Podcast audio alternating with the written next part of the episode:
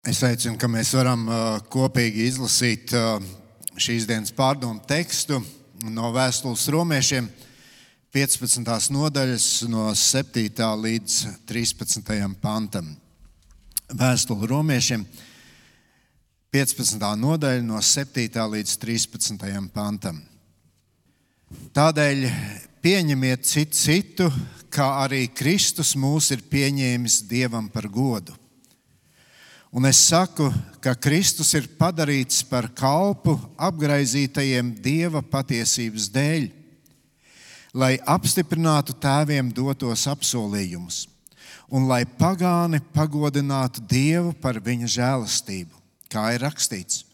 Tādēļ es apliecināšu tevi starp citām tautām un dziedāšu tavam vārdam. Un vēl ir sacīts, tautas priecājieties kopā ar viņa tautu. Un vēl ir sacīts, visas tautas slavējiet kungu, un visi viņa ļaudis uzgavilējiet viņam.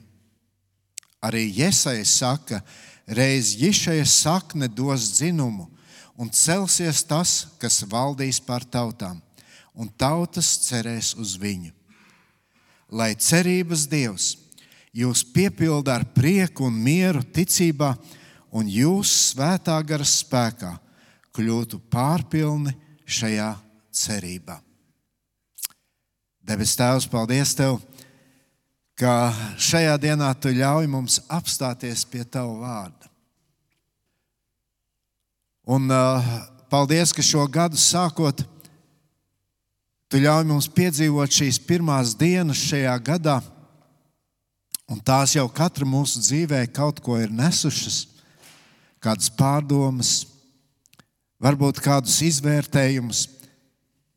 Bet, kungs, es ļoti lūdzu, lai šajā rītā tavs vārds arī katram no mums, kas mēs esam šeit, Vīlandes draudzē, kas varbūt attālināti skatāmies šo dievkalpojumu, ļautu pārbaudīt sevi šī vārda patiesības gaismā. Uzdot sev šo jautājumu, kā es raugos uz savu brāli un māsu. Debes Tēvs, paldies Tev, ka Tu mums to atgādini šajā rītā. Un svētī šīs pārdomas, lai tas viss ir Tavam godam, lai tas viss ir tas, ko mēs varam lietot savā ikdienā, savā uh, attiecībās vienam ar otru. Jēzus, tavā vārdā es lūdzu. Āmen. Lūdzu, sēdieties.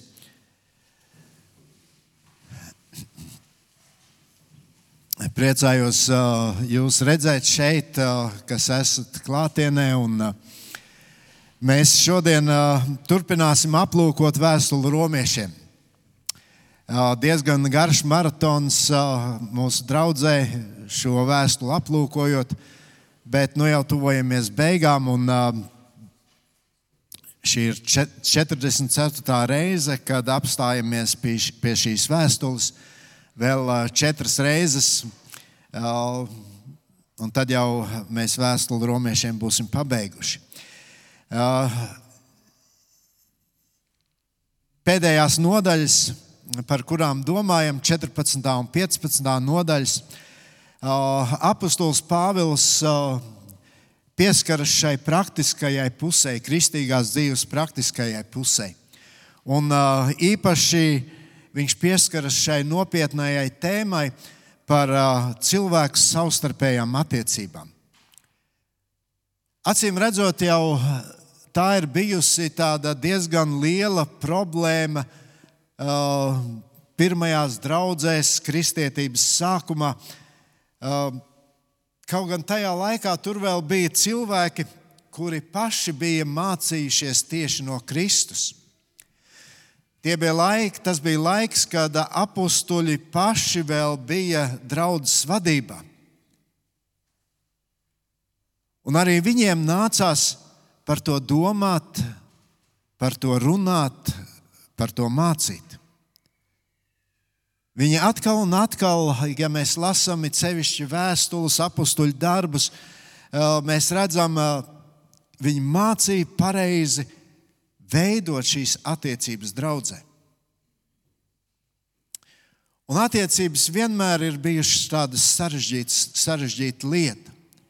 Arī tas ne, toreiz tas nebija viegli, tāpēc apustulis Pāvils šajās divās nodaļās, 14. un 15. Īpaši šai tēvi, tēmai pieskaras.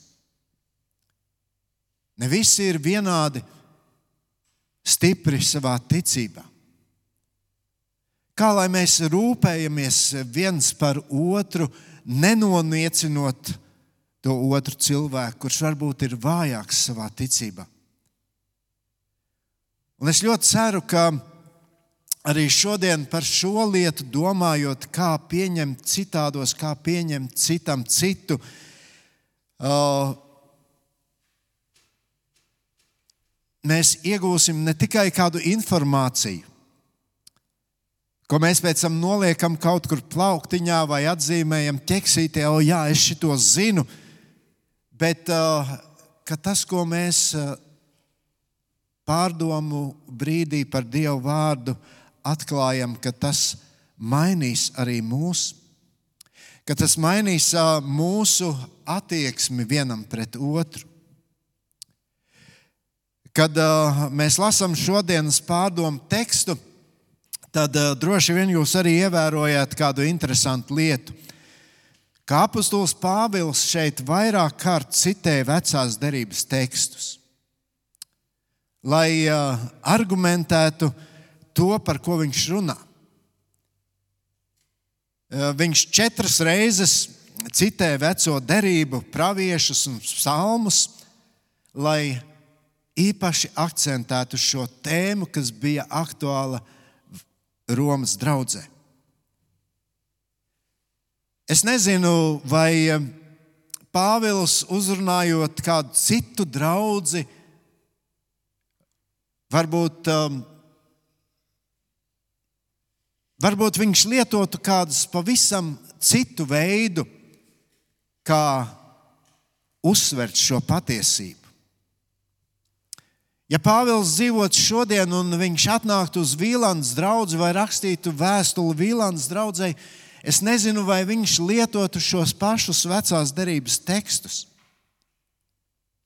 Jo Romas draudzē bija šī problēma, tur bija jūdi un pagāni. Un e, mēs jau aplūkojot vēstuli romiešiem, redzam, cik Pāvils bieži pieskaras šī tēmai. kur vienmēr bija šie pretpoli, kur vienmēr notika šī cīņa. Mēs esam tie, jūs neesat tie. Un šeit šī praktiskā puse, citu pieņemšana. Un, kad mēs par to domājam, tad ir svarīgi, svarīgi uzsvērt, ka Dievs neradīja cilvēku, lai viņš būtu vienpatnis. Vispirms jau Dievs gribēja, lai, mēs, kā, lai cilvēks saprot, cik atkarīgs viņš ir no sava radītāja. Un otra lieta, ka cilvēki ir atkarīgi viens no otra. Tas neveidojās kaut kādas cilvēces attīstības rezultātā. Nē, to neizdomāja cilvēki. Tāds bija Dieva plāns. Un mēs to redzam jau no pirmajām Bībeles lapusēm. Dievs iesaista cilvēkus savu plānu piepildīšanā. Vai Dievam, vai Dievam pietrūka spēka pabeigt veidot ēdienas dārzu, kā Ādamam un Ievai tur bija jādarbojas? Taču ne. Dievs iesaista cilvēku.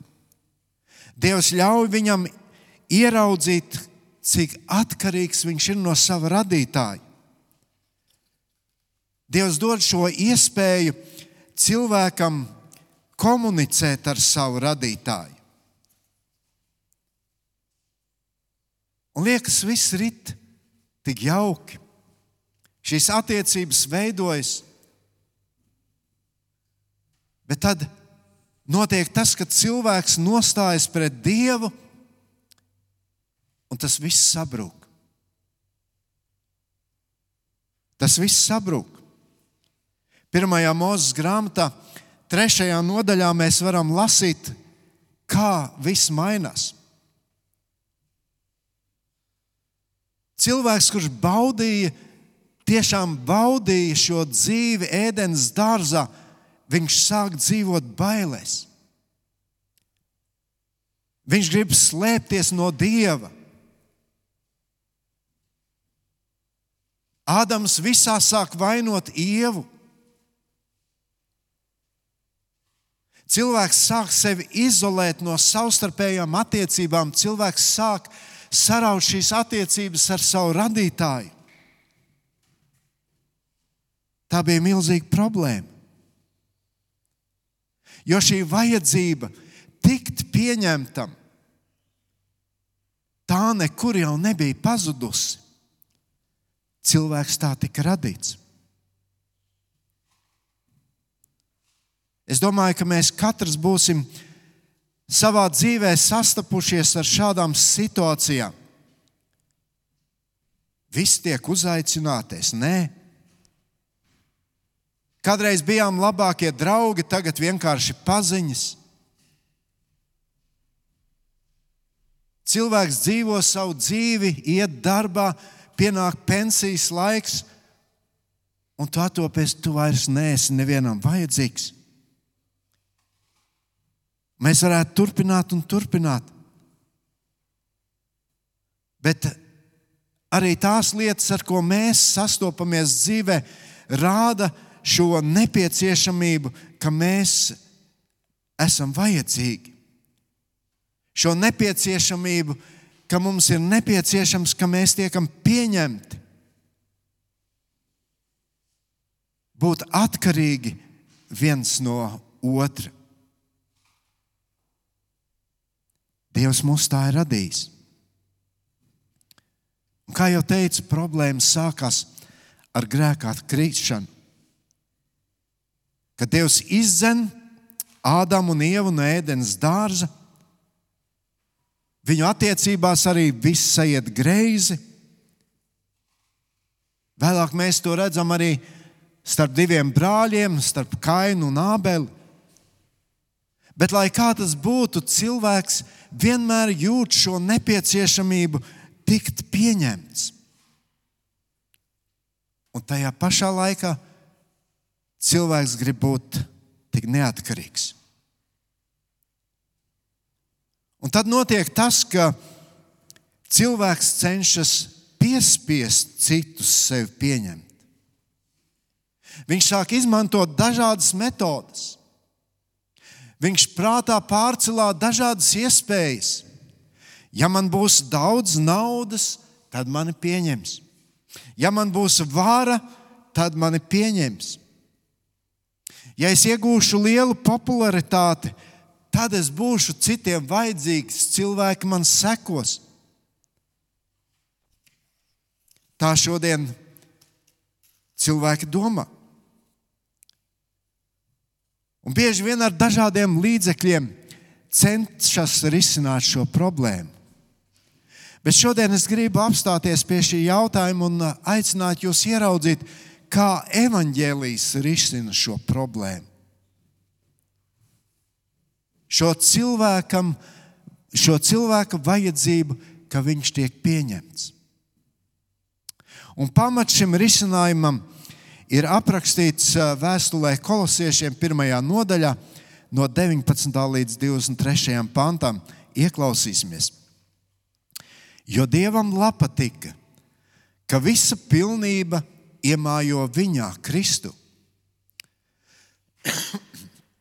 Caur viņu Dievs ir devis izlīgumu visā, ar Kristus krusta asinīm Dievs ir ienesis mieru visā kas uz zemes un debesīs. Arī jūs reiz bijāt dievam atsvešināti un naidīgi noskaņoti, ļaunajos darbos iegrimuši, bet tagad Dievs ir devis izlīgumu Kristu caur viņa nāvi cilvēciskajā miesā, lai jūs vestu savā priekšā svētumam izredzētus, neaptraipītus un nevainojamus. Ja vien jūs paliksiet ticībā, likti uz droša pamata un neizkustināmi no cerības, kas ir evaņģēlijā, ko jūs esat dzirdējuši. Tas ir pasludināts visai radībai zem debesis. Lai atrisinātu šo cilvēku savstarpējo attiecību problēmu, Mums ir jāsaprot, ka vispirms tā balstās cilvēka un dieva attiecībās. Un šīs attiecības, kuras ar grēkā krišanu tika sagrautas, tās var atjaunot tikai un vienīgi Kristus upura pieņemšanu. Tikai tā Dievs var mūs atkal pieņemt. Tas ir vienīgais ceļš, lai atjaunotu attiecības ar Dievu. Un tas ir iespējams tikai caur evaņģēliju, caur Jēzu Kristu. Evangelija būtība ir tā, ka Dievs sniedz mums pretī savu roku, apliecinot, es tevi pieņemu. Es tev dodu šo iespēju, es tevi pieņemu. Un pieņemot mūsu, Kristus atrisina arī šo otru problēmu, ka mēs spējam pieņemt arī citu citu. Dievs mums noliek blakus dažādus cilvēkus. Un tā ir mūsu praksa. Tā ir mūsu iespēja mācīties pieņemt. Tā ir mūsu iespēja, lai tas, ko mēs izlasām Dieva vārdā, lai tas, ko mēs dzirdam, atnākot uz dievnām un draudzē, lai tas nepaliek tikai par teoriju. Bet es gribu uzsvert,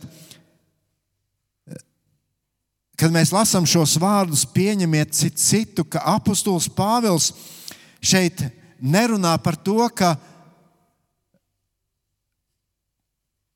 Nu, tur nav kaut kādi principi. Ziniet, tādu pieņemšanu šodien sludina liberālā teoloģija, ka mums ir jāpieņem pilnīgi visi. Vienalga, kāda ir viņu morāls uzskati, vienalga, kāds ir viņa dzīvesveids, pieņemšana. Bet Pāvils šeit runā par visam, par kaut ko citu. Pāvils šeit runā par to, par kristieša garīgo briedumu. Viņš saka, tādēļ pieņemiet citu, citu, kā arī Kristus mūs ir pieņēmis Dievam par godu. Redziet, nevis vienkārši pieņemiet citu, citu, bet tāpēc, ka Kristus mūs ir pieņēmis. Un cilvēka garīgais briedums neietver tikai Kristus upara pieņemšanu, bet arī to, ka Kristus turpina mainīt pašu cilvēku. Turpina mainīt viņa raksturu, viņa attieksmi pret grēku, viņa attieksmi pret citiem cilvēkiem, viņa reakciju uz to, kas notiek mums visapkārt.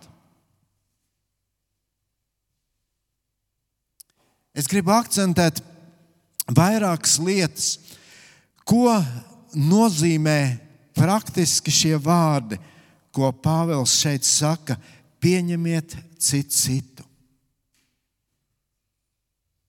Un pirmkārt, tas nozīmē uzskatīt vienam otru par vienas ģimenes locekļiem. Pieņemiet citu citu kā arī Kristus mūs ir pieņēmis. Caur Kristu mēs esam Dieva ģimenes locekļi. Un apostols Pāvils 1. vēstulē korintiešiem 12. nodaļā, 13. un 14. pantā raksta, arī mēs esam vienā garā kristīti, lai visi būtu viens ķermenis, vai jūdi, vai grieķi, vai vergi, vai brīvie. Un ar vienu garu mēs visi esam dzirdināti, jo arī ķermenis nesastāv no viena locekļa, bet gan no daudziem. Šeit atkal mēs redzam, viss sākas ar attiecības sakārtošanu starp cilvēku un dievu. Un liekas, nu tā ir Tā ir katra cilvēka personīga lieta. Bet Pāvils saka, ja tas notiek, ja šīs attiecības ar Dievu ir sakārtotas, tad tā vairs nav tikai tava personīga lieta, bet tā kļūst par kopīgu lietu. Jo Dievs mūs noliek līdzās citiem, kuri arī to ir piedzīvojuši. Dievs mums uzliek atbildību vienam par otru. Dieva ģimene. Tā ir tik dažāda, ar tik dažādiem cilvēkiem. Tur ir gudri un netik gudri, labi audzināti un neaudzināti. Tur ir cilvēki, ar kuriem ir viegli komunicēt un ar kuriem ir grūti runāt. Tur ir cilvēki, kuriem ir pārliecināti, varbūt pat pašpārliecināti savos uzskatos, un tur ir cilvēki, kuri ir nedroši un šaubas. Tur ir cilvēki, kuri ir uzauguši kristīgās ģimenēs, un tādi, kuriem varbūt tas viss ir bijis līdz tam pilnīgi svešs. Tur ir cilvēki, kuri ir stipri ticībā un kuri ir vāji ticībā. Tur ir cilvēki, kuri saka, es esmu uzvarējis šo grēku savā dzīvē, un tur ir tādi, kas izmisīgi ar to cīnās. Tik dažādi cilvēki. Tik dažādi cilvēki Dieva ģimene. Un tad ir jautājums, kā mēs uz to reaģējam. Interesanti. Un es domāju, ka katrs mēs to būsim piedzīvojuši, kad, tad, kad mēs piedzīvojam to brīdi, kad Kristus mūs pieņēma. Mēs to varam teikt, saukt par mūsu jaunpiedzimšanas brīdi, kad Kristus dāvāja mums šo jauno sirdi. Atcerieties, tad, tas bija laiks, kad Mums nebija nekādu problēmu ar citiem. Mums visi bija mīļi. Mēs visus varējām samīļot, pateikt kādus labus vārdus, uzsmaidīt. Mums nebija grūti pieņemt šos cilvēkus. Bet tad paiet kāds laiks, un kaut kas mainās. Kļūst ar vien grūtāk to darīt. Mēs sākam varbūt savā prātā kaut ko dalīt. Nu, tas ir mans līmenis, bet tas nē, ar to es draudzēšos, ar to nē. Interesants vārdus raksta apustulis Pāvils šajā pašā vēstulē korintiešiem 12. nodaļā.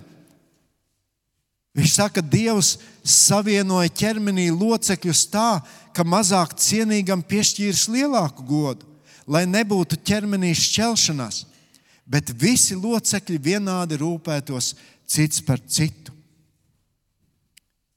Redziet, viens draudzē viegli tiek galā ar dažādiem izaicinājumiem un problēmām, cits mocās. Citam tas tik viegli neizdodas.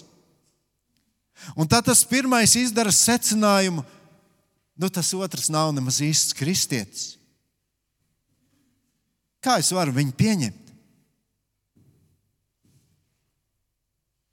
Bet padomā, vai tu esi bijis viņam līdzās šajās cīņās un izaicinājumos? Vai tu esi bijis tas cilvēks, kurš lūdz par viņu? Un tieši tas ir tas, ko Pāvils šeit runā. Lai visi locekļi vienādi rūpētos cits par citu. Viņš tālāk saka, ja viens loceklis cieš, visi citi cieš līdzi. Ja viens loceklis tiek pagodināts, visi citi priecājas līdzi. Lūk, ko nozīmē pieņemt citam citu. Ja tu esi Dieva ģimenes loceklis, tad brāli māsa noliec malā savu subjektīvo lo, uh, viedokli un rūpējies par tiem, kur ir tev līdzās. Lūdz par viņiem. Vai tas ir viegli? Noteikti nē.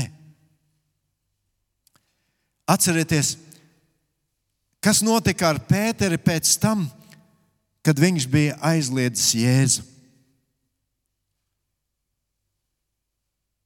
Viņš briesmīgi jutās. Un droši vien tie citi, kas līdz tam bija viņam līdzās, kad redzēja šo vīru tur sēžam, viņi pagriez galvu uz otru pusi un gāja garām. Bet Jēzus no viņa nenovērsās. Jēzus viņu atkal pieņēma. Viņš trīs reizes viņam jautā šo jautājumu, vai tu mani mīli, vai tu mani mīli? Vai tu mani mīli? Un pēc tam tur ir kāds interesants moments. Mēs varam lasīt Jāņa evanģēlijā 21. nodaļā no 17. panta, kad Jēzus ir dzirdējis no Pētera šo atbildi, tu zini, kungs, ka es tevi mīlu. Viņš saka, gani man savis. Patiesi, patiesi es tev saku, ka tu biji jauns, tu apjozies un gāji, kur gribēji Bet, kad tu kļūsi vecs, tu izstiepsi savas rokas, un citi tevi jozīs un vedīs, kur tu negribi. To viņš sacīja, norādīdams uz to, kādā nāvē Pēters pagodinās Dievu. Pēc tam Jēzus viņam sacīja: Seko man, un klausieties, kas notiek tālāk. Pēters apgriezies, ierauga sekojam mācekli, ko Jēzus mīlēja un kas tajā mīlestībā noliecies pie viņa krūts, bija jautājis, kurš tas ir, kas tevi nodos? Viņu redzēdams, Pēteris Jēzum jautā, Kungs, bet kā ar šo? Un te gribas iebļauties, Pēter, tu pats pirms brīža biji bedrē. Tu pats pirms brīža jūties visu atstumts, nepieņemts.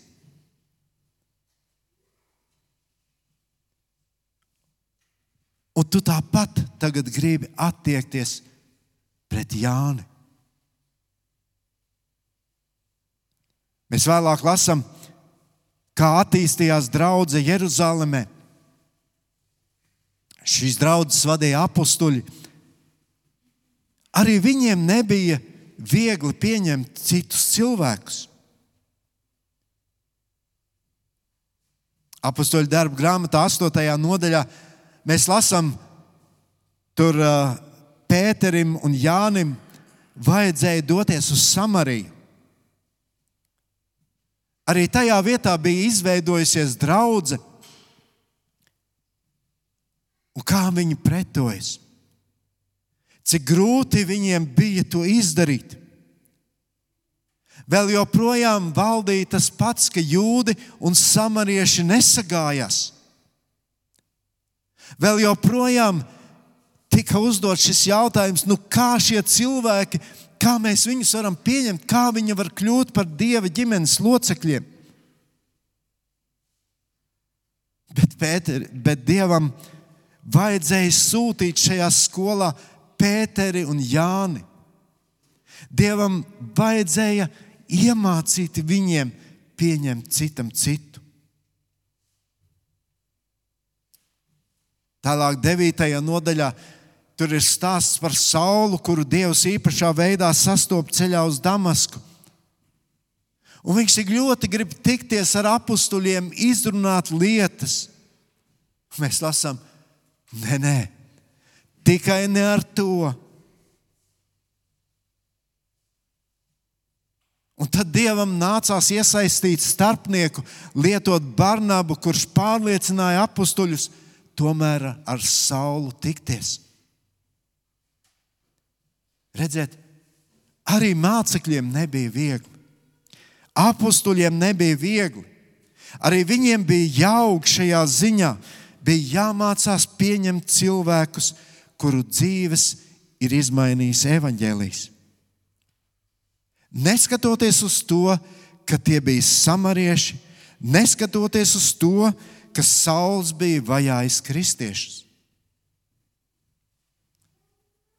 Un mēs varētu turpināt vēl un vēl šos piemērus, caur kuriem Dieva vārds māca mūs pieņemt citam citu. Es atceros, cik grūti cilvēkiem draudzēs bija pieņemt cilvēkus, kuri sāka apmeklēt draugu atmodas gados.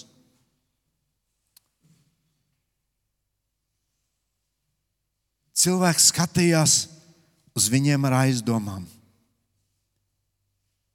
Cilvēki izteica šaubas, sakot, nu, viņš ir apmetis kažoku. Ka tikai tā nav tādas, tāda modes lieta, ka tikai tā nav pavilkšanās līdzi tam, ko redz visapkārt. Bija grūti pieņemt. Tika izjaukts kaut kas, tika izjaukts tas ierastais ritms. Un tu pēkšņi atnākot uz dievnam, konstatē, ka manā vietā ir apsēdies kāds cits, manā ierastajā vietā, kur es gadiem sēžu. Un tu skaties uz cilvēkiem un domā, nu kā viņi nesaprot, kas ir jādara tad vai tad dievkalpojumā. Un tas bija lai, laiks, kurš daudzus kristiešus padarīja, maigi sakot, nervozus. Nācās mācīties pieņemt citam citu. Un to ir jādara atkal un atkal. Tāpēc arī šodienas Dieva vārds mums par to atgādina. Dari to, praktizē to, nečupojies pēc dievkalpojuma tikai ar ierastiem draugiem. Pieņem arī citus. Iepazīsti arī citus, kuri kopā ar tevi ir šajā dieva ģimenē. nu, jau diezgan sen laiku atpakaļ. Man bija saruna ar kādu māsu, kura bija sastrīdējusies ar kādu cilvēku no draudzes. Viņa stāsta šo situāciju, un tad uh, viņa saka, nu, kamēr šis cilvēks būs šajā draudzē, es tomēr laikam meklēšu kādu citu draugu. Es vienkārši fiziski nespēju būt ar viņu kopā. Tur bija garāka saruna, un tad es viņai jautāju, nu, kā tu ar šo cilvēku spēsi sadzīvot debesu valstībā? Viņš cer nonākt tur, tu arī cer nonākt tur. Un tad, tad šī māsa tā interesanti man atbildēja. Viņa teica, bet Kristus taču teica, ka tur būs daudz dzīvokļu, un es ceru, ka man nebūs jādzīvo vienā dzīvoklī ar viņu.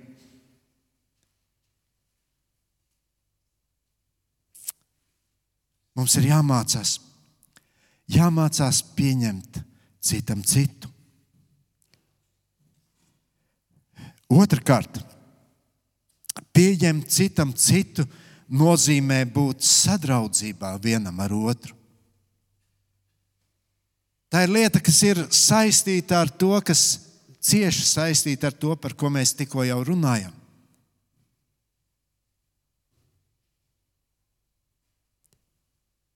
Draudzē veidojas grupas. Tur pieņem tikai savējos. Mums tā ir labi, mums citu nevajag. Ziniet, sadraudzība draudzē ir kaut kas vairāk kā būt tikai kopā ar cilvēkiem, kuri man patīk.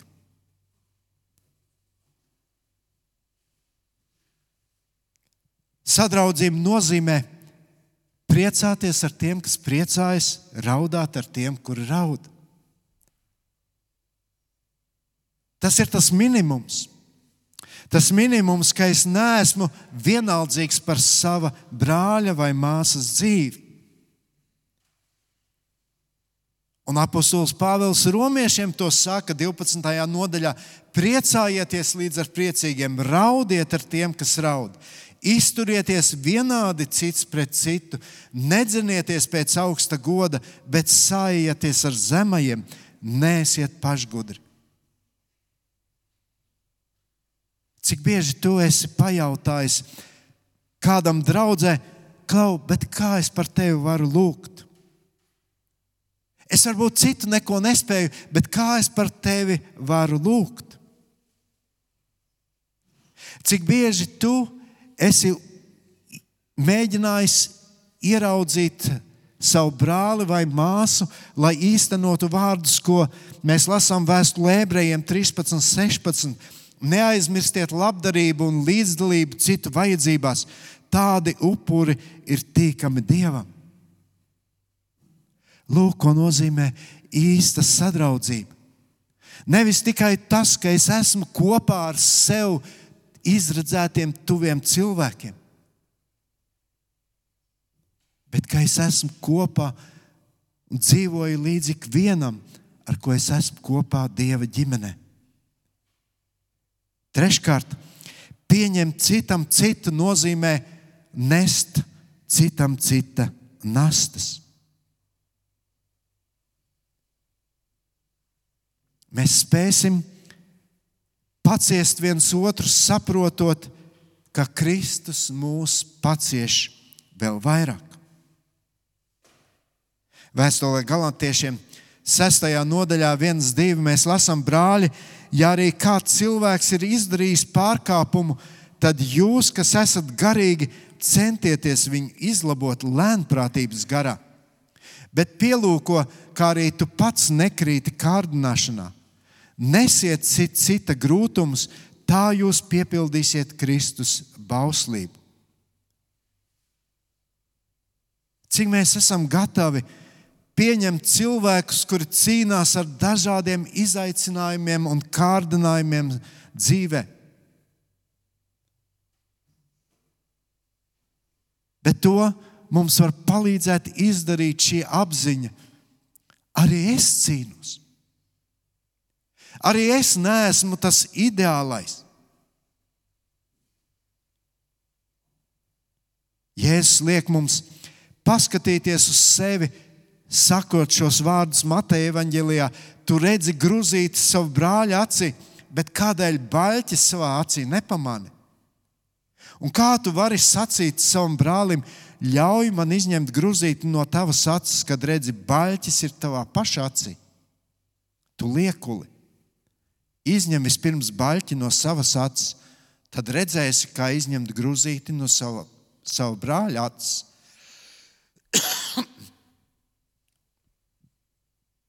Un ceturtkārt, pieņemt citam citu nozīmē, ka tu palīdzi otram augt ticībā. Vēstulē Efeziešiem 4,29 ir teikts no jūsu mutes, lai nenāk nekāda samaitāta runa, citā tulkojumā nekrietns vārds, bet tikai tas, kas ir derīgs un nepieciešams stiprināšanai. Redziet, Dievs ir iecerējis draugu kā vietu, kur mēs tiekam iespaidoti viens no otra. Tāpat kā Dievs pacietīgi darbojas ar katru no mums personīgi. Šī pacietība ir vajadzīga mums, esot blakus vienam otram. Un tas mērķis ir, lai mēs celtu viens otru, lai mēs stiprinātu viens otru.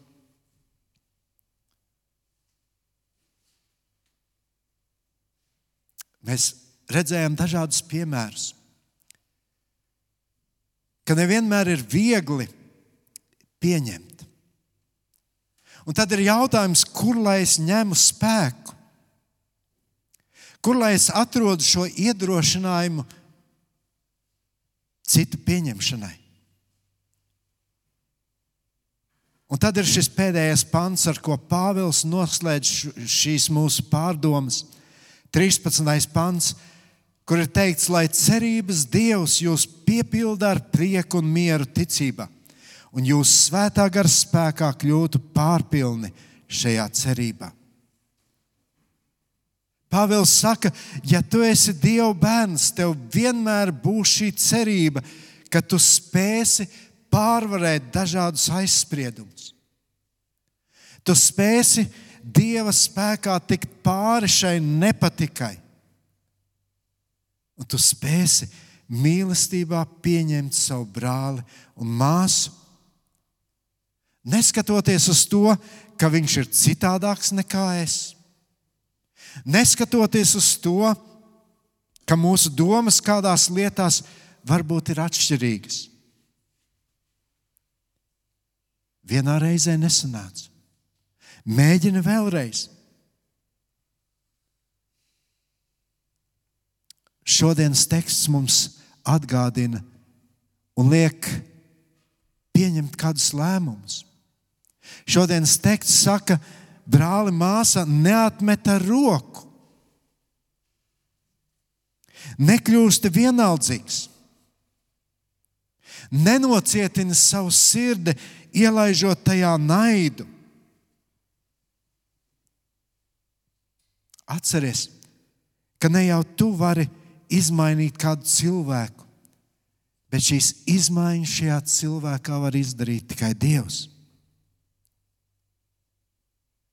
Bet līdz tam tu esi šis rīks Dieva rokās. Un tavs uzdevums ir viņu pieņemt un būt viņam līdzās. Lūksim Dievu. Debes Tēvs, paldies Tev, ka mēs neesam vieni paši šajā pasaulē. Un tajā ikdienā jau mēs apzināmies, cik vajadzīgi mēs kā cilvēki esam viens otram. Bet šajā rītā es gribu pateikties tev īpaši, ka tu mums ka tu mūs esi nolicis arī draudzē. Kur tu mums līdzās noliec brāļus un māsas, kur mēs varbūt esam tik atšķirīgi viens no otra, bet tik vajadzīgi viens otram. Tik vajadzīgi, lai mēs kopīgi, kā draudzene, varētu pagodināt tevi. Tik vajadzīgi, lai rādītu šajai, šai pasaulē, ka mēs kopā mīlam tevi, pagodinam tevi.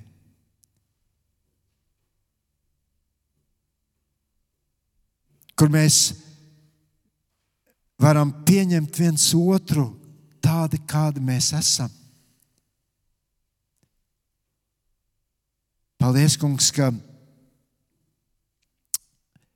cauri laikiem cilvēki vienmēr ir cīnījušies un arī izcīnījuši šo cīņu.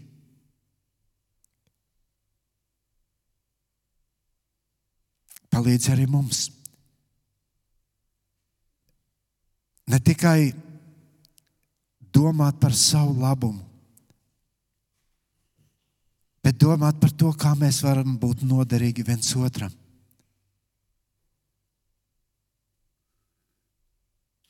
Paldies par šo atgādinājumu. Un palīdzi vispirms jau man to praktizēt savā dzīvē.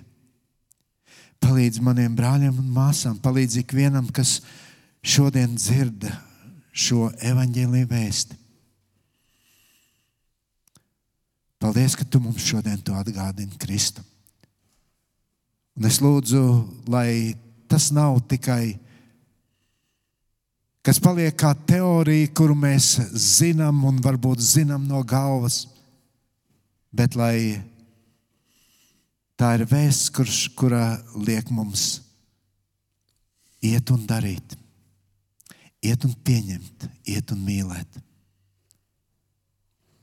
Tad lūdzam, Jēzus, tavā vārdā. Amen.